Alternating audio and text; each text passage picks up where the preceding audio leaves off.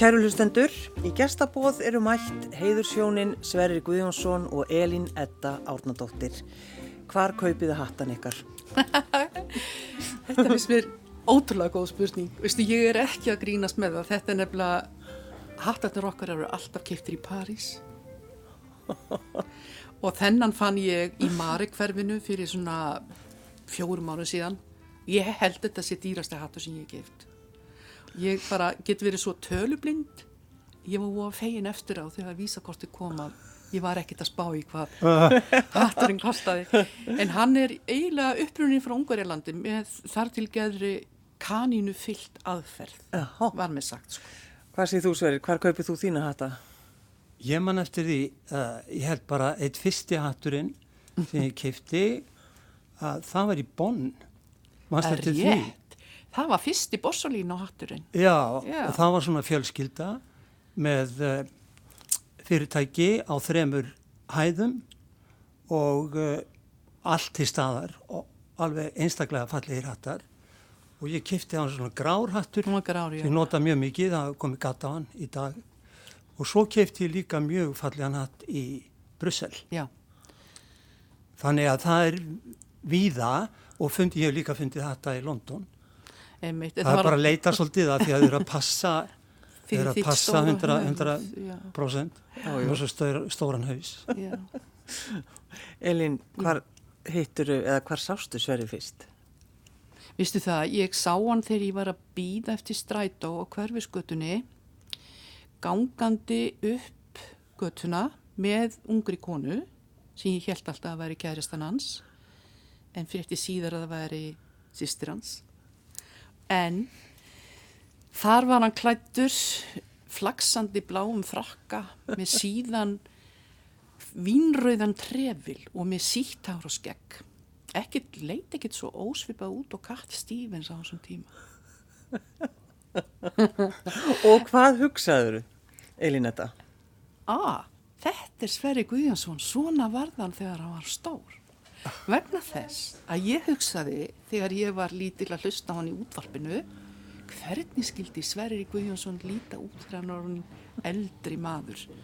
Og svo gerist þetta, þetta er rosa skrítið en svo kynist ég honum á óðali.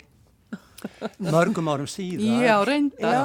en ég held alltaf þetta sem þetta væri kærastana, þetta var sýstir hans. Já, þannig að þú hugsaður það, ég á engan séns Já, já einmitt. Og ég, ég sá var, hann mjög oft. Já, ég var búin að taka eftir Elinettu þá er hún verið bara 15 ára og heitlaðist af henni svona í fjarlægð.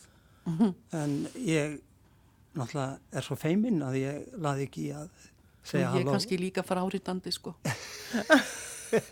Hún var í ballett í þjóðlugursum Já, Já. það tótt alltaf svo merkilegur sko fyrir hvað maður bar sig vel. Hvað maður bein í baki. Já, já, já það er alveg rétt. Og ég er ekki frá því mað, maður sko þá maður sé orðin sko þetta eldri maður býr alltaf að þessum grunni einhvern veginn, það er svo skrítið. Þó maður verður slæmur í liðum og svona þá veistu samt alltaf að þú ert með þessa grunn þjálfun þó hún náttúrulega líka fyrnist skilur já, já, já, það er bara þannig. En það, sko þá sjálfsögðu fyrir við bara beint í óðal það er á, á, á þeim rómaðastað á mörgum hæðum. Já, og á hvaða hæð voru þið þegar þið hittust? Eh, dans, dansgólfinu, það ekki? Jú, jú, það er dansgólfið. Og það var einhvern veginn svo vistu það, að, að þessir tímar voru svolítið umvita öðru vísi því að það var ekki svo mikið dóp í gangi. Fólk kom svolítið bara ótrúlega mikið út bara til þess að dansa sína sig og sjá aðra allir ótrúlega svona flottir í tauginu. En svo man ég líka eftir á þessum tíma það var, það var svolítið það var svona ákveðin hópur af aðröpum sem komingað til þess að vinna farandverkamenn. Og þeir voru alveg ótrúlega góði dansarar. Ég man alveg eftir því að þeir voru svona ótrúlega svona nettir í reyfingu og gáttu alveg bömpað upp og niður. Þetta var svo ég, ég, þú veist það, maður fór bara út ekki til að lenda á séns. Maður fór út til að dansa á þessu tíma. mm. það var svolítið þannig. En hvernig er Sverrir í bömpinu? Hann er bara ótrúlega góðu partner og dansari. Var, það má hann eiga. Jújú, jú, við æfðum það líka sjálfsögðu Bömpið? Aftur að baka áfram. Sko að bömpa er bara það, það er bara eins og að fara ég veit ekki hvað, það er stórkostlegt þess að fara bara til þetta sálfræðings. Mann líður svo vel. Já, það er satt, það er reyfing sko. Og hérna en svo við höfum oft talað um það, okkur langar rosalega mikið, þú veist, að bara fara að taka upp tangóin, tangóin, við dansum tangó svolítið á tímabili og hefðum við jafnvel fyrir vana þegar við fórum til dæmis þar síðast í Lunduna þá fundum við klúb mm. En við kláruðum náttúrulega öll spórin bara í Já, mjög rætt. Þetta var svolítið mikill spunni Það svolítið- hjá okkur. Já. En þetta er náttúrulega alveg frábært að horfa á argentískan tango Já. og, og þeir sem eru flinkir og kunna all triksinn, sko.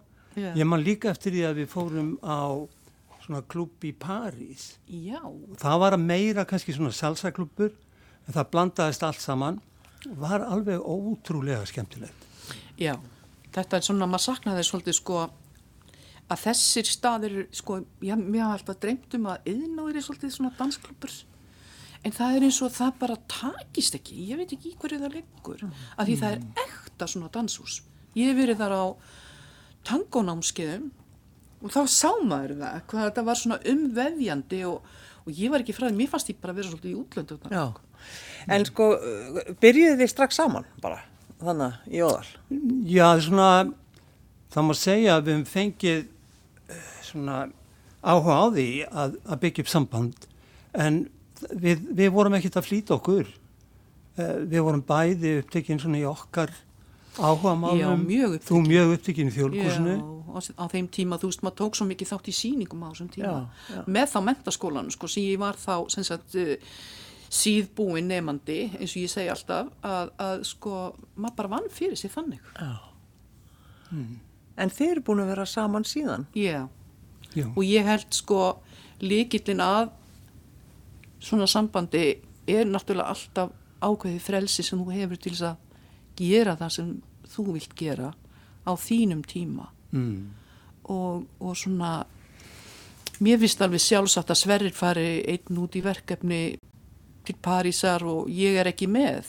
Bara þetta er bara partur af bara að það er líka það stjórnast og helgast álítið að því þegar maður er sjálfsagt starfandi listamæður eins og við höfum verið að megninu til sko. Að þá er einhvern veginn þá er svigrúmið öðru vísi. Það er bara öðru vísi. En sko, það, það virðist vera þannig, Sverrir Guðjónsson og Elínetta, mm. að þið, sko, virðist vera alltaf í takt. Já, Þú veist, eru þið, það er kannski, það er náttúrulega fárulegt, auðvitað eru þið ekki alltaf í takt. Nei, Eða sko, hvað? mm, Ég, ég vil nú eiginlega, auðvitað við erum bara sálufélagar, það er bara svoleiðis. Það er, mínum huga er það þannig. mm. Og sko, og næri ég vil bara langt aftur, maður veit ekki hvert, í ykkur önnur lífið, eitthvað þannig, sko. En það er bara að láta hluti fara í taugarnar á sér sem eru kannski hvað, sko maður, ég skil ekki endilega svona þennan oft núning sem að fólk í nútíma sambandi er að tala um, sko. Það, ég veit ekki, það er bara ég, ég þekki það ekki. Nei, hvað segir þú, Sverrir? Ég held að við höfum alltaf verið tilbúin að, að ræða hlutina og reyna að finna einhvern flöt á því sem að okkur langar að takast á við og við náttúrulega höfum unnið oft mjög náið saman í alls konar verkefnum. Ég yfirleitt þegar að ég er að takast á við eh, að skapa einhvert verkefni sem þarf að halda utanum og ég tala nú ekki um ef að þarf að vinna það sjónrænt þá fæ ég alltaf elnettu inn í þau verkefni og það, þau hafa verið bæði hér og svo líka einhver staðar út í löndum. Mitt. Þannig að, að við vinnum mjög vel saman, við hefum gott með að ræða hugmyndir út frá listrænu verkefnum. Ég, það er líka sko þessi myndræna hlið, við erum bæði mjög tengd inn í bara myndlistarheimin hér, við þekkjum marga myndlistamenn og, og ég veit að Sverrir til dæmis, hann hefur segið það að ég hafi kent honum að lesa myndlist, ég veit ekki Já. hvort það er rétt, en Það er mikið til því. Já, en, en hann, mér finnst hann í dag alveg rosalega naskur á einmitt, myndlist myndlist okkar vina og annara og, og taka inn slíka þætti sko. Þannig að þú sér að það er eitthvað. Já, þú sér einhverju mynd, það Já, er eitthvað. Já, Algjörlega. já, og líka ég bara fæ mikla ánægi út úr því að skoða það sem er myndrænt Já, og eins þegar að við förum í leikús og horfum á eitthvað sem aðrir er að gera að þá, þá er maður ekki endilega týndur bara í atbyrðurásinni heldur það er allt öll heildin hvernig hún virkar saman. Og þá er maður alltaf að bæta eitthvað við sig. Já, maður er að skoða hlutina uh, út frá En þi- Já, þegar maður sko fylgist með ykkur, því þið eru náttúrulega ábyrjandi fólk og, og mér, þið eru alltaf einhvern veginn, þið ferðist einhvern veginn saman alltaf, þið eru alltaf bara einhvern veginn tvö saman. Já, Já, við erum náttúrulega samrýnd, það, er, það fer ekkert á milli mála, sko. Það er hérna, en ég, einhvern veginn, sko, sérstaklega í seinni tíð, þá er Sverrir ennþá komir óvart. Og í þessu fári sem er búið að vera núna, þá er bara minn maður bara farin að taka yfir í eldúsinu Já, og ég er afar, afar ána með það. Hann hefur alltaf verið sá sem að hefur notið þess að maður eldi fyrir hann mat og, og, og þannig, svo bara allt í einu er hann bara byrjaður. Og ég bara, hann hefur allt annað vinnilega en ég, en ég bara, ég bara fer bara þá út á svalir og fæ mig bara vasklas eða vinglas og, og og út kemur þessi mikli, bræðmikli matur. Já. En uh, tein hans voru náttúrulega og eru, Mjög, og eru fín. Eru fín og þau eru nú ansið skemmtilegt bragð, uh, bragð efnin sem eru þar. En, en sko þetta að koma konunni sinni á óvart ennþá, Sverrir, hvað, þetta er nú kannski einhverju sem eru að leggja við hlustur núna sem vilja fá að vita nákvæmlega hvernig gerir maður það? Elnetta er náttúrulega frábær kokkur þannig að, að ég er ekki að keppa við hana, alls ekki og eh, ég man þegar við byrjuðum sambúð þá byggum við inn í ljósheimum og Elnetta átti sín æsku þar í því hverfi Í Vogunum, já. en ég var alltaf í miðbænum og uh, þá fann ég að ég hafði mikið náhuga á að baka brauð þannig að ég sá um brauðbaksturinn og og lagði áslá súrteig, súrteigsbrauð og hérna fór alveg eftir reglunni með það hvernig þú geymir súrteig og allt þetta og flytur það yfir, yfir í næsta brauð. Já, já. En Elnetta, hún náttúrulega hefur unnið við matreyslu svo lengi. Já, ég segi alltaf að það sem mitt svona annað ego, sko. Ég hef einhvern veginn, þegar maður var ekki í leikusnu, þá var ég að elda til dæmis á Solon sem við stopnuðum. Það er bara franskar súklaðukökur og, og, og ekki steikur en helst fiskur og allt slíkt sem að var alltaf þar í hátteginu og svo eldaði ég svolítið mikið á hérna sumartónleikum í Skálholti yfir sumarið. Það þóttu mig skemmtilegt af því þá gæti ég náði ráefni bara úr því svæði sem var í kring, fiskmyndi og annað. Þannig að sko fyrir mér að elda mat er bara bæðiskapandi og bara einhvern veginn mitt hlýðar mm. Þannig að það kannski þetta er mitt að koma, koma makanum á óvart, það er mitt að kannski fara inn á þeirra svæði og, og vera einhvern veginn svona, þú veist, hér er ég, sverrir og ég ætla að elda fyrir þig. Já, nei, þess að ég bara, þú veist, það er náttúrulega, þessi, þessi tími, dæmálisi tími sem hefur verið núna, hann, hann einhvern veginn hægir á öllu og ég kann rosalega, kann því vel Já. og ég vildi svona óska þess að við gætum haldið þessu, þessari ró, en verið með uppskottavélina og allt það með, sko. Já. Það er svona næstu því hestavagnin sem ég vil fá. Nei, nú skaldu hætta. Já. En ég baði ykkur, Sverrir og Elinetta að velja þrjú lög ok, og fyrsta lagið sem að við ætlum að heyra, hvaða lag er það?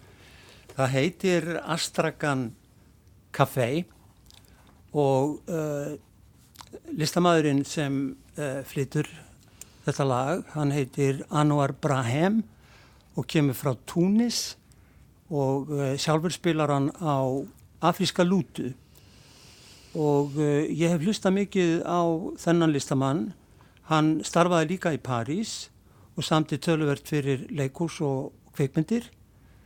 Uh, en síðan hefur hann sko orðið svona heimslistamæður. Þannig að hann ferðast mjög, mjög víða. Já, þá skulum við bara leggja við hlustir.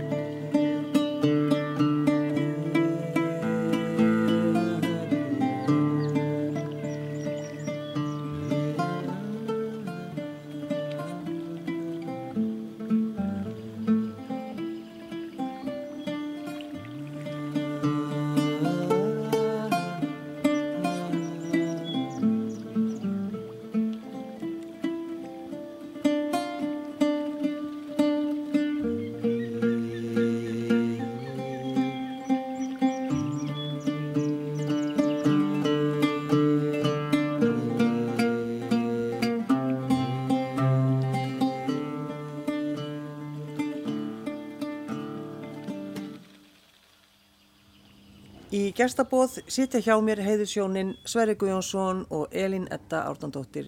Við verðum að tala um fatasmekkin ykkar. Það er bara, ég byrja á hattinum en sko, við bara, ég get ekki, það væri bara fáránlegt að ég myndi ekki tala við ykkur um fatasmekkin og eru þið, að því þið, sko, ég ætla að spyrja, eru þið með sama fataskáp?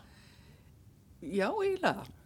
Samt búin, hann er búin að færa sem sem áður búin að taka Nei, ég er að meina bara fötin, eru þið að nota, ekki af kóraðrunni. nei, Nei, Það er alveg á reynu. það er alveg, En það er, það er einhver svona, það, þið, þið eruð einhvern veginn, Já, en málið er sko, ég hef svona sérstak, sérstakann fetus fyrir herrafötum. Ég hef, ég hef dálæti af fallegum herrafötum. já, Og það er kannski þar sem að hérna, að Sverrir hefur nýtt sér kannski svona minn fljóta huga að velja. Ég á mjög gott með að skanna verslanir. Ég bara, sem búningahöfundur er það bara, eiginlega bara, næstu því bara faránlegt hvað ég er fljót að finna hluti. já. já. Og er, er hún að kaupa fött fyrir þig til dæmis, Sverrir? Sko það sem að, ég get sagt þér hver aðferðin er sem að hefur virkað ágætlega að e, við förum eh, inn í þá verslun sem að hefur tölvert mikið úrval og hún veit svona nokt veginn hvað e, passar og, og á hverju ég hef áhuga. Og síðan bara sko að því mér fallast hendur þegar ég kem inn í versluna sem er mikið af fötum að fara að leita og reyna að finna og máta og svona, ég vil þá freka að fara bara út og fá mér kaffið að tesopa.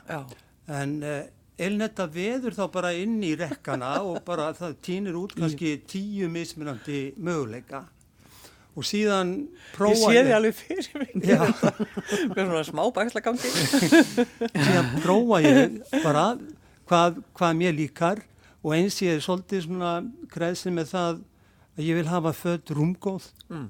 og að þið séu svolítið laus og að skýrturnar séu ekkit endilega onni í buksnastrengnum heldur fá, fá að fljóta Mm. og uh, þetta hefur virkað mjög vel fyrir okkur. Já, þú ert líka standard size sem er mjög þægileg. Það er gott að vita það. Í rauninni getum við bara hægt honum með þáttinu. Þið komið, Sverririnn standarstæl. Já, það er bara þannig. Ég get ég bara mjög fljóta að lesa skóstærðir á fólki. Já, ég já, er já, alveg já. bara, já, þú ert 47. Já. Ég hef alltaf haft svona fet, fetis fyrir sk- skóm alveg frá því ég var barn. Já. Þannig að, að ég var mjög nákvæm, nákvæmur með það hvernig skó ég vildi kaupa. Og ég man einu sinni eftir svona bara ástandi að uh, ég var hann leiður á einhverju strigaskóm, ég var bara smákrakki sko, ég verið kannski fjögra, fimm ára. Ég man mjög vel eftir þessu. Og ég eh, fór fram á það að ég fengi nýja skó, ég þyrti nýja skó, en þetta voru samt eiginlega nýjir strigaskó Já. og mamma gæti verið mjög fast fyrir og hún tók þetta ekki mál. Og ég tók svona bara öskur kast sko Auðvitað. en hún gaf sér ekki þá var ég örgulega búin að sjá sko að hvaða skór kemur til greina og mér fannst vera komin tíma á þetta þannig að ég hef verið mjög nákvæmur með, með, með skó hvernig ég vel þá Hvernig er það, uh, voruð þið sammála um hvað þið ætlaði að eignast mörg börn? Nei, veistu þau bara, bara Ívar kom. Ívar bara kom. Hann kom Já. og bara, og er alveg rosalega kraftmikill drengur fættur 77 og bara indislegur. Og svo kom annar 78, Daði. Sverrisson. Það heldur allir að við værum með tvíbura því það var svo stutt á milli. Sem var svolítið svona uh, sætt sko, þá þeir voru svo jafn, þú klættir þá líka oft bara eins og þeir væri týpurar það var bara náttúrulega ekkert til að fötum í þessa uh, daga sko, ég man að ég var að sauma einhverja kviltjakka. Það var einhver, einhver tíska svona einhverja svona uh, einhvers konar svona bútasaumsjakka það var hægt að snúa þeim við voru kannski svona flaujelöðru megin og röndóttir hinu megin og svo voru prinsaskirturnar og svo voru stuttbuksutnar með, með hérna lítilli, hvað maður að segja, við nýjabuksutnar sætu, þeir bara klættust í þetta alveg eins og bara eins og mamma sagði. já, já, algjörlega. Voruð þið og hafið alltaf verið sammála um uppeldið á drengjunum ykkar? Nei, ekki alveg kannski. Ekki alveg held ég, en við vorum samt mjög samtaka með það að uh, sko skilaboð uh, þau þurft að vera svolítið skýr. Já, þannig að, að já þýðir já og nei þýðir nei. Og það er alveg sama hvað er hamast í manni það er búið að segja nei. En síðan er kannski hægt að gera eitthvað annað sko. þetta er kennarin í Sverige. Já, ég náttúrulega kendi mörg ár í, í fórsaskóla og fannst það frábært. Það var uh, opinn skóli, ákveðin, ákveðin tilraun og uh, ég veit bara hvað það skiptir miklu máli að krakkar fái meira frelsi í sambandi við námið og að þau finni að þau eru að njóta sín, sko, hvert fyrir sig og það er meiri vinna fyrir kennaran, miklu meiri vinna Mm. en uh, það var líka partur af því að maður svona fekk ákveðna reynslu og, og læriði á það hvað virkaði. En, en hvor var þá strángari í upphildinu? Býttu, ég myndi nú segja að ég hef verið svo sem að hef verið með meiri eftirgjöf. Ég hugsa það. Já. En, en sko, Ívar Örn var rosalega kraftmikil drengur. Maður þurfti, hann þurfti bara stýringu. Þú veist. En um leið, það var hann líka ótrúlega sjálfstætt barn í staðin. En það var frekar sko Sverri sem bara, hann bara gaf bara mjög skýra línu. Og ég man alltaf eftir því þegar móði mín var að reyna að brjóta þessa reglu þess að bara nei, þú mátt ekki gera þetta. Já. Að Hann þú Sverrir til dæmis að gefa hann súkulað í laumi og eitthvað svona, þú veist. Bara eins og ömmur gera. Já. Já, já, algjörlega. Já. En sko, hefur ykkur alltaf bara, ef þið bara hugsið tilbaka, hefur ykkur einhvern veginn alltaf lið vel saman? Já, mér finnst það og Já. við náttúrulega byggum út í London í nokkur ár. Og það er náttúrulega sko þegar maður fer út til náms. Það er alveg bara svona á þeim tíma sem við erum að læra út í London sko að þá er, þá er ekki GSM símið, það er ekki Skypeið og þetta er mjög og maður verður alveg ótrúlega næjusamur þegar maður er í námi og tala nú ekki um að maður er fjölskylda. Mm Að þá einhvern veginn sko verður maður bara að vera bara og gera gott og hafa gaman og eins og hægt er í þeim aðstæðum sem að maður er Já, og við vorum alveg einmitt. gríðarlega heppin við vorum í hverfi í Lundunaborg þegar ég er að læra sagt leikmynda og búninga hönnun í Wimbledon og sverir í, í hérna Alexander námi og engasöngsnámi á þeim tíma Já, já. að þetta, ég segja oft sko, mamma sagði bara þegar ég kom heim, allar ekki fara að kaupa þig kápu. Já. Þú veist, ég var búin að vera í sömu fötunum henni, hún upplýði nú það þannig. En sko, ég sagði mjög alveg saman. Bara tíminn þarna, Lundunaborg er bara einhvern veginn þannig að þú, ég, við fórum, ég held ég hafi farið einu sinni í viku í óperuna Já. fyrir lítinn pening, Hugsið af því ég var námsmaður Jú, jú. það var svo, mar það var svo margir plúsar við það að vera námsmaður, þú fegst ódýrt inn á sko söfn og, og, og síningar og guðum að vita hvað og svo var það svo skemmtilegt núna sko rétt fyrir sko sagt veiran hérna leggst á allt hérna og umdurnar að við náðum að fara í svona ferð til Lunduna og Parísar Já.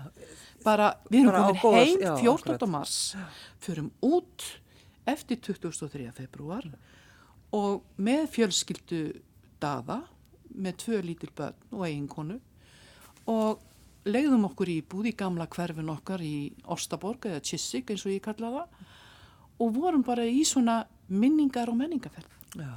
og það var ekki það var svo gaman að sjá sko hvernig sko sonur okkar sem að kemur hann sem sagt og var þar í skóla, hann var að sína sinni dóttur eh, Sólrúnu sem að er sjóra í hvaða skólan var og þetta var bara indislegt fór, fór í garðana og með þau og bara frábær tími En myndið þið segja einmitt svona að fara út í nám og, og eins og þú segir, þú varst bara alltaf í sömu kápunni allan tíman. Einhver leið.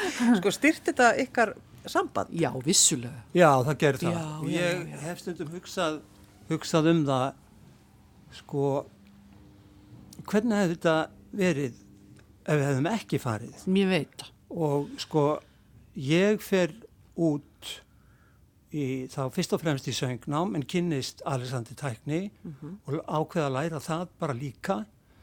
Og það var, það var mjög stramt nám mm. uh, þar að ekki og Elnetta, hún vissi að hún, það þýtti ekkit fyrir hana að vera að fara út og vera bara með strákana. Þannig að hún sótt um Ég var þá búið með mynd og hand hér heima sko. Já, já. og lei- var alltaf í rauninni að leita þangað að fara í sviðsmyndahönnun og búningahönnun sko. Ég er náttúrulega fætt og uppalinn í leikúsi þannig að það svona lá beinast við og það var náttúrulega bara alveg ótrúlega góðu tími Já, þannig að hún kemst inn í Wimbledon School of Arts og byrjaði bara reyð eitt einhvern veginn Já. á Já. mínu mati. Já. en við byggum líka í frábæri hverfi vorum heppin, að það líka vera heppin Jú. já, já, það er stór þáttur í þessu Já. og vorum mjög nálægt Thames ánni og við eigum þess vegna fórum við í þetta hverfi núna rétt fyrir hérna lockdown að okkur langaði til þess að bara virkilega vera þarna með fjölskyldina staða. Og það eru upp á staðir þarna eins og Dúvan, uh, The Dove. Hún er alveg við ána og það er að sitja út á svölum og áin rennur framhjá og þarna keppa Oxford og Cambridge þeir sigla þarna hjá. Fram hjá, og það voru alltaf eh, stúdíódagar hjá listamönnum, mikið af listamönnum sem byggu í þessu hverfi. Þannig að við vorum einstaklega heppin að þessu leiti líka. Já, já, en svo svona síðar þá fórum við að sækja meira til Parísar af því að uh, ég fór í samstarf og hef haldið því samstarfi alveg í hvað, 12 ár með uh, kvimdagerðamanni sem að kemur frá Beirut, Líbanon en hefur starfað í París og, og hans uh, kona heitir Mario, Mario, hann heitir Jacques uh, að hún er líka mjög flinkur kvimdagerðamaður Því að einmitt, maður hefur séð ímislegt sem þið hefur gert saman. Já, þannig að, að ég hef komið inn í hans verkefni og ansi mörg verkefni í gegnum árin og það hefur líka skapað svona nýjan heim fyrir okkur. Já, ég meina, þú, þú ert búin að ferðast til Kóru, Tvísvar, Istanbul, ég fór ekki þessa ferði, sko. Nei, Japan, Tvísvar. já, ég hef komið, hvað, fjóru Já, til Japan, já. en það eitt, eitt verkefni var tengt honum, Jacques Debs og uh, Stómi Yamasta, hérna tónlistamanni sem Raka Gísla var með líka sínum tíma og uh, síðan uh, fórum við saman í mjög stórt ferðalag 2005 vorum með síningar í 15 borgum í Japan. Þetta er ótrúlegt. já, þetta er náttúrulega ótrúlega til hugsa til þess. En það er eitt. Já. Um, Elinetta, þegar að Sverrir fer eitt til Parísar, Já, þá byður hann að, að koma við í lítilli uh, búð til þess að kaupa varalit. Og Ilmva. Eða ylvat, hvort, já, það er kannski ylvatni Og við nefnilega eigum þetta sami. Já, hvaða, hvaða snirtfyrirverslun er þetta, Sverrir? Já, hún er í Mari hverfinu og uh, Shalimar, já, kaupa það. Og um, ég fer yfirleitt í þessa búði í, í Mari vegna þess að það er gaman að ganga aðnum, uh, skemmtilegt svæði, og, en hún er líka þessi búð nálagt sigurbúanum, ég hef búin að finna út því. Þannig að ég get farið á, og ég held sé eitt staðar í viðbót, þar sem ég get keipt þetta sérstaka ylvatn og varalitin. En, en, En sérstaklega í mýrinni, þá er þessi litla snirtfyrirbúð, hún er eins og náttúrulega listaverk. Já. hún er Og, það. og það er bara stórkurslegt að- fá afgriðslu í þessari, þessari verslun. Já, það er eins og þú sér bara komin, e, það er svona búin til svona þessi hyrðstemning í kringu þig. Já, það er hyrðstemningin, akkurát. Já, maður, vissilega langar mann að eyða, langar mann að eyða meiri peningu þar inni en það er bara, en það er bara indislegt Já. að þessi sko borg sem að ég segi alltaf París er eins og kona hún er svolítið eins og kona Jú, miklu kvenlægari heldur en London sem er karlægari sko. að hún hefur hún hefur svo marga fleti þessi borg, það er alveg ótrúlegt. Hún, hún, hún stelur manni alltaf þegar maður kemur þangað. Og, og ég, maður er að uppgöta sko matarstaði í gegnum vini sína til dæmis sem að maður myndi kannski ekki hugnast að finna sjálfum. Og þa þannig kemst maður oft inn í, sko, í gegnum vini sína svona inn á leinda staði. Mm. En þegar að, þið, þið ferðist náttúrulega svo mikið Mhm. og, og það er það þegar að, sko, þegar að gengur vel hjá hjónum að ferðast því að það, myndi ég segja að það væri sko mikilvægur bara punktur í ykkar, ykkar hjónabandi. Já, mér finnst til dæmis þegar maður er einmitt á ferðalagi, þá er maður einhvern veginn öðruvísi, maður er ekki fastur í þessu dagfarslega og, og maður leifi sér sko, maður gerir öðruvísi kröfur, ég get verið hvar sem er, ég get verið, ef maður bara hittir það fólk sem maður langar að hitta, sko, við erum ekki svona típiskir túristar, ég myndi ekki segja það. Kemur rosalega óvart. Já, alveg. Við erum svona verkefnatengdi túristar. Já, akkurat. Já. En, hva- en hvað segir þú Sverrir að ferðast með, með þinni konu, Elínu Öttu? Hvernig, hvernig líður þér með það? Mér finnst það verulega skemmtilegt.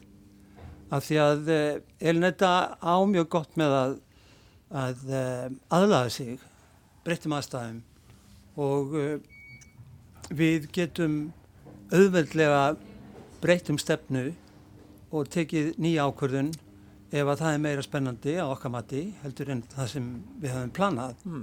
Og mér finnst það áhugavert í samvættu við ferðalög að sé ekki, ég get ekki verið á einhverjum einum stað og í sólbæði allan tíma, það bara gengur ekki. Nei. Já. Nema, jú, nema á einni hvar. Það má segja það, en við vorum ekki endilega í sólbæði, það var líka verkefnateng Það var líka verkefni. á einu hvar, við hefum farið tvisar þangað og ég var þá með uh, sitt kort verkefnið sem að er eiginlega útvarpstengt. Þetta er svona, ég kalli þetta sound drama, að uh, þú býr til ákveðin hljóðheim sem að hefur einhverja frásögn og uh, þetta er mjög nálægt útvarpi. Og þarna eru valin inn alls konar verkefni og við vorum að hlusta þá úti á svona uh, já, for, fornum stöðum þar sem að voru sett bara upp hátalara kerfi og þú fegst handrit í hendurnar og hlustaðir á sko alls konar hugmyndir að svona efni og uh, það, það frá allum heiminum í rauninni. Lag nummer tvö, Sverrir og Elínetta, hvað var að hlusta á? Já, ég var að hugsa um uh, eftir Lundunadvöluna þegar við komum heim þá var Magnús Þór Sigmundsson að undibúa disk sem heitir Íslandsklukkur og uh, hann við hittumst einmitt uh, stundum á kaffihúsi sem var þarna Já, bakvið. bakvið Já. uh, gamli fálkin, plötubúin fálkin, Já, var þar var hjólaverstaði Jú, jú. áður á bakvið og það breytist í kaffihús Hvað hétt að- það aftur? var það Var það kaffi? Ka Æja, kaff og te, eða te og te kaffi. kaffi. Gæti- verið. við minnum það. ja, við fáum það mjög skusti post frá einhverjum þegar það, þátturinn er búinn. og þá hittumst við stundum þar og hann nefnilega bjó síðan bara í sama húsinu hann á efri hæð. Já, og uh, hann fór að tala um þessa útgáfu og vildi fá Vókes Túles inn í verkefnið og uh, ég söng síðan einn söng þarna í tveimur númurum, annað er Heyr himna smiður og svo það lag sem ég langar að setja inn í þáttinn sem að heitir Óskarsteinar eða Fann ég á fjalli og er uh, ungverst þjóðlag og Hildi Gunnur Halldórsdóttir gerir textan.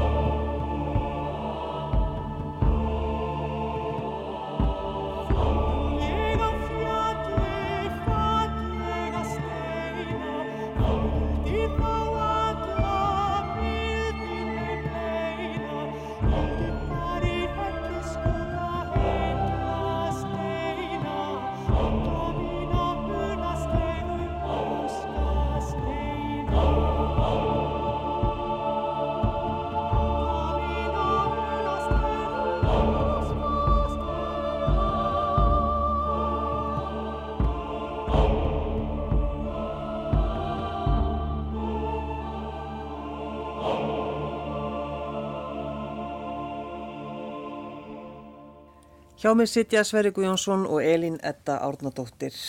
Þetta lag Óskar Steinar, Fannja og Fjalli. Það er eitthvað við þetta. Já, mér finnst það passa líka fyrir daginn í dag. Já, Við erum mjög leitandi núna og allir einhvern veginn að reyna að finna nýjan flöt á því hvernig við ætlum að takast á við framtíðina og uh, ég held að margir séu líka óttastlegnir um það að við dettum bara í sama farið. Það er svo auðvelt að, að detta hún í sömu hóluna aftur og aftur og uh, ég er að vonast til þess að okkur takist að, að sína þólumæði og leifa hlutunum að gerast rólega þannig að við getum fund, fundið einhvern nýjan takt. hafið þið oft verið á einhverjum svona miklum tímamótum og hafið þurft að takast á við mikla erfileika? Við höfum náttúrulega verið mjög lánsam, við höfum ekki tekist á við neinn til dæmis, alvarleg veikindi en eitt slíkt. Við erum mjög heppin fyrir utan það að ég uh, þjáist að heyrnalesi sem að ég hef ráðið mér bóta á en það er eitthvað sem ég er fætt með en, en það er náttúrulega líka gríðarlega gæfa, það er það. En nei, ég myndi nú, sko, maður þarf náttúrulega alltaf að taka, maður þarf svolítið að anda með því að maður er að verða eldri. Það er bara, og, og fyrir mér er það ekki endilega sko erfitt í sjálfu sér. Mér finnst það ekki. Mér finnst, ég elska að sjá gamalt fólk. Ég elska það. Og ég fylgist með móðu minni sem að er sko að eldast, en sko við ræðum það alveg. Við ræðum það.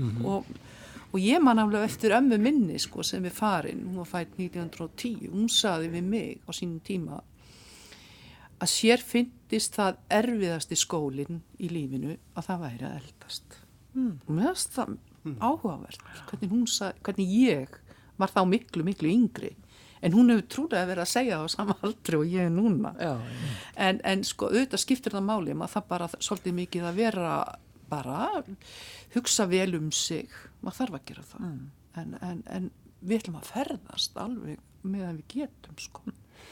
Já, ég held líka að, að það sé mjög mikilvægt að halda í sinn sköpunarkraft Já, það er þetta. og það, það hafa allir sköpunarkraft. En, en maður þarf að virkja hann. Og maður þarf líka að uh, vera jákvæður gagvart því þegar hlutinir gangi ekki alveg upp eins og maður ætlaðist til. Og einhvern veginn bara eins og lítið lærir á hljóðfæri maður þarf svona að setjast aftur og aftur og uh, þjálfa sig og æfa sig og auðvitað erum við bæði vönn því í gegnum okkar uh, fag ég þá í gegnum sérstaklega tónlist og þú í gegnum leikúsið leikúsið gerir rosalega miklar kröfur Það er rosalega kröfuharður húsbóndi leikúsi, það er það. En, en um leið, það er svona, komur að segja, ástar og natursamband í leið, um leið. En sko, ég hef átt alveg rosalega góðan feril í leikúsi. Og, og er svona smám saman að svona fara úr því, úr þeirri sköpun og er að reyna að fá mig til þess að fara inn í mína eigin sköpun. Og mér, það er verkefni, það er áskorun fyrir mig. Leitar til Sörris þá eða? Já, mikið. Og hann, svo sem þekkir alveg hvernig ég sko svona, ég, ég er svo vön þessu sko vinnulagi í leikusunni það er alltaf deadline sko. Já, já. Ég þarf eiginlega helst, helst alltaf að búa til deadline til þess að, þá bara fer ég á miljón skriljón sko að vinna. Mm. Það er bara, þetta er rosalega, mist þetta næstu í föll. En, en Sverrir, hvað er það sem að, hvað fyrir töðunar að þér við hana? Já. Þetta örgla. Nei, ég, ég finnst ég hafa lært á, á, á, á sko e, þessa tilneingu að þurfa alltaf að, að sko að- að vera komið með svo mikla spennu til þess að geta klára hlutin. Hann ætlar að vera svo kurteistir að svara. Það er hann er líka svo eðin, hann er alltaf að. Þú veist, það er alveg bara hérna, alltaf. Hann er bara mjög skipulaður og þó að sé kátískur, þá er hann mjög skipulaður. En se- segirðu þá eitthvað við hann á stundum? Já, þá, þú veist, þá kannski kem ég því að, að uh, hvort að það væri ekki svolítið góð hugmynd að, að skoða þá möguleika sem er í stöðinu núna og jafnvel að, að ringja í ákveðna aðla sem að þarf hann á sambandi við áður en allt verður á svona söðu punkti. Að því það missa, ég veit það, það missa allir, eh, já, eða flestir ef ekki allir á síðustu vikunni fyrir frumsýningu í jú. þá er bara eins og á vittlusarspítala og það er miklu, það er mjög mikilvægt að vera búin að undirbúa sig og, og bara vera tilbúin. Já.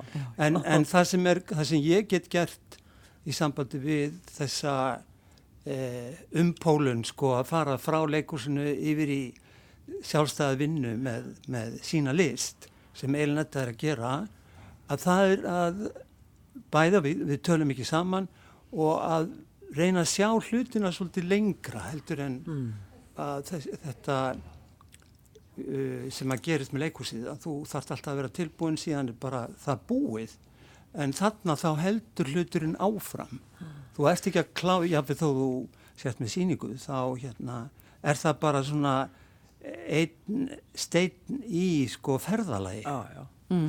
Hvað segir þú Elinetta? Hvað fyrir tjóðnur að þér við hans veri? Hvað getum við alveg rosalega yðin? Já, það, það er bara Nei, það. nei, nei, það er ekki rétt, en sko, en hann er sko, hann er með rosalega háan svona tiltektarþröskuld. Það hefur komið mér óvart. Mm. Og ég einhvern veginn hugsa, ég hugsa, guð minn góð, það er eins gott ég eigi ekki hérna eigimann sem er bara alltaf að segja mann að taka til. En það er sko ekki svoleiðis í honum að segja, æ, þarf það ekki svo núna. Já, já er það. Svolítið sætt, sko... Æ, þarftu að ryksuga en, núna. Já, en hann er einhvern veginn, hún er líður rosalega vel sko í kási. Það er mjög fyndið. Ég held er. að það sé líka bara þáttur af því að, að ég svona... Þú býr til svona mengi Ég svona? býr til svona mörg mengi og kannski margt í gangi, nokkur verkefni og síðan uh, finn ég einhverja leið með það.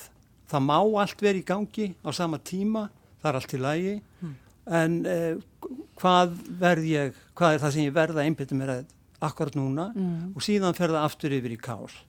Já, En það er líka sagt, það er mikil sköpun í kási og það er mikil til í því. Já, ég trú á það. Já. Það virka fyrir mig. já, einmitt. Já. En svona bara þessi hverstaslegu hlutir, bara í lífinu. Sko, náttúrulega, það er náttúrulega forréttindi, þú veist, að vakna með manninu sínum og hann spyr, já, ég elska mín, hvernig svafst í dag? og þetta er svona, ég bara, mér finnst það einhvern veginn svo, já, jú, ég bara nokkuð vel. Það, ég er svona aðeins með smá verki í hægraugslinni eða eitthvað. Hérna, getur hérna kannski tekið mér í smá Alexander og eftir Já. og þá fæ ég Alexander tíma í honum. Sem við gerðum fyrir þetta viðtal. Já, er það? Já. Já, já. Já, já. En, en hann er, hann er gríðarlega öflugur svona heilari að mínu mati. Þannig bara þetta einmitt, að vakna við hliðin á manninu sínum og segja Já. góðan dag. Það er ekki sjálfsagt. Nei, ég veit það.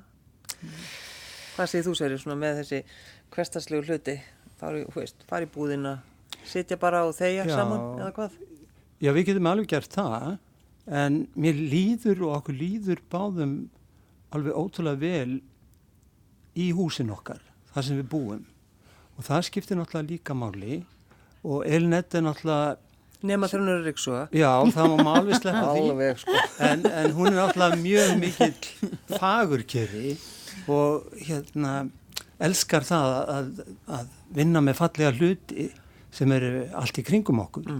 Og það líka hefur jákvæð áhrif. Svo finnst mér gaman sko ég er náttúrulega hef mikið náttúrulega á teum og að setja saman te en fyrir, fyrir, fyrir mig er það meira eins og bara tónlist í tebólla Já. þú veist, að setja það saman. Já, það En- kom mér rosalega óvart þegar hann byrjaði á því, sko, þá hafði ég komið með te sem ég hafði keift í verslun og sagt, rosalega er þetta gott te, ég verða eiginlega Þetta var út í London, Já, held ég. verða eiginlega að leifa Sverri að prófa þetta. Svo kem ég heim, gef hann smakk og þá segi Sverri, vistu það ég geti gert miklu betra. Já. Og hann gerði það. Já. Já. Ég varði náttúrulega að standa við það. Það er stóru orði. Já. En svo er það náttúrulega húmórin, Silla. Það er náttúrulega, sko, þú kemst ekkert í hjónabandi ef þú hefur ekki húmór. Það er bara að geta hleyið saman af ótrúlegustu hlutum. Það er bara, það er það sem að gefur elixýrin. Já. Og þarf ekki að vera brandari. Það er ekki eins Bara helst ekki brandari. Helst ekki brandari. Nei, maður þarf líka svona að hafa bara húmór fyrir sjálfum sér. Ég er bara, mér finnst eins og þessa dagana er ég alveg ótrúlega löt í eigin skinni. Það Já. er bara einhvern veginn þannig. Og maður er svona að reyna svona að spóla sig áfram, komast áfram og, og maður skal komast áfram. Já. í gegnum þetta. Ég held að séu margir sem að finna fyrir þessu í dag. Það er allt einhvern veginn svo breytt, allar forsendur breyttar og það er eins og þessi búið að taka öryggisnetið frá okkur sem við öll vorum búin að búa til á einhvern hátt og við verðum einhvern veginn að, að búa til nýtt öryggisnet eða þá að finna einhver aðra leiðir. Ákveði tækifæri segi ég. Já, nákvæmlega. Hvernig er það? Leiðist þið alltaf? Við gerum það lappir? stundum, en, en nei, alls ekkit, Nei, eh, endilega. ekkert mjög oft Nei. endilega, en svona stundum gerum við það. Já. Já, Ertu uh, mikið að kissa hana? já alltaf á mótnana. Alltaf á mótnana. Já. Ég fæ alltaf með kaffikoss. Já, Já. að því mér finnst það, það er svona ákveðin aðtöfn að, að mala kaffið og síðan að, að gera það þannig að, að það verði gott bragð. Það þýr að maður reynsa könnuna alveg rosalega vel, alveg sko í gegn og þannig að maður losni við það sem var á undan og uh, það ger ég á mótnana alltaf. Svona eins og að losna við leðilega vini eða eitthvað. Það leðilega fjölskyldumæli mér. Og skóla þetta vel. Nákvæmlega. Já, þannig að þú skólar kaffið, vilna, Já, býr til kaffið. Já, og síðan hérna, er bara kaffi tilbúið. Ég er yfirleitt á undan eða nöttu Já, vakna. að vakna og stundum fer ég með kaffi upp í herbyggi. Já. Mér finnst það indislegt alltaf. Það er bara, ég þarf ekki meira. Og, og hvenær kemur þá kossin? Hann Hann kemur svona bara far þegar ég er komin á ról og þá kemur faðmlægið og kossi. og kannski hvernig dreymdið mikið. Já, það er nú eitt. Ég er alltaf í Íran núna, ég skil það ekki. sko, þetta ferðalag sko, í draumum er alveg magna. Það ekki bara að koma þér til Parísar og kaupa þér ylva? En það verður örgulega svolítið langt í það. En, en það er sko, en samt sem áður, talandi um ferðalag, að- að að, sko, það sem mig langar að gera í, í framtíðinni, það er að fara í svona síkjasíklingar, Mm. eins og í, í Breitlandi. Það er alltaf langað að dóla mér svona áfram og sama í Fraklandi. Loka lagið, krakkar. Sverir. Já, það er, uh, uh, kemur frá Gríklandi og okkur langar mjög mikið til þess að heimsækja Gríkland. Við hefum aldrei farið þangað og eigum mjög góðan vin sem kemur þaðan. En þetta er uh, tónskáld sem heitir Eleni uh, Karindrú og er mjög þekkt þarna úti og ég heyrði fyrst þetta, akkurat þetta lag sem heitir The Weeping Meadow eða Engið sem grætur og uh, er úr kvikmynd sem ber samanab og hún uh, samdi músík fyrir já, trúlega frægasta kvikmyndaskáld Gríkjana, Theo uh, býtum við Þetur Akis. Nei, ekki Theodor Akis Nei, Guðingur. Elin. Nei, en allavega þá heitir hún Eleni Karindú og ég held að það eh, hendi vel að heyra þessa músík í lókinu. Kæri hlustundur, þetta voru Heiður Sjónin, Sverri Guðjónsson og Elin Etta Átnandóttir.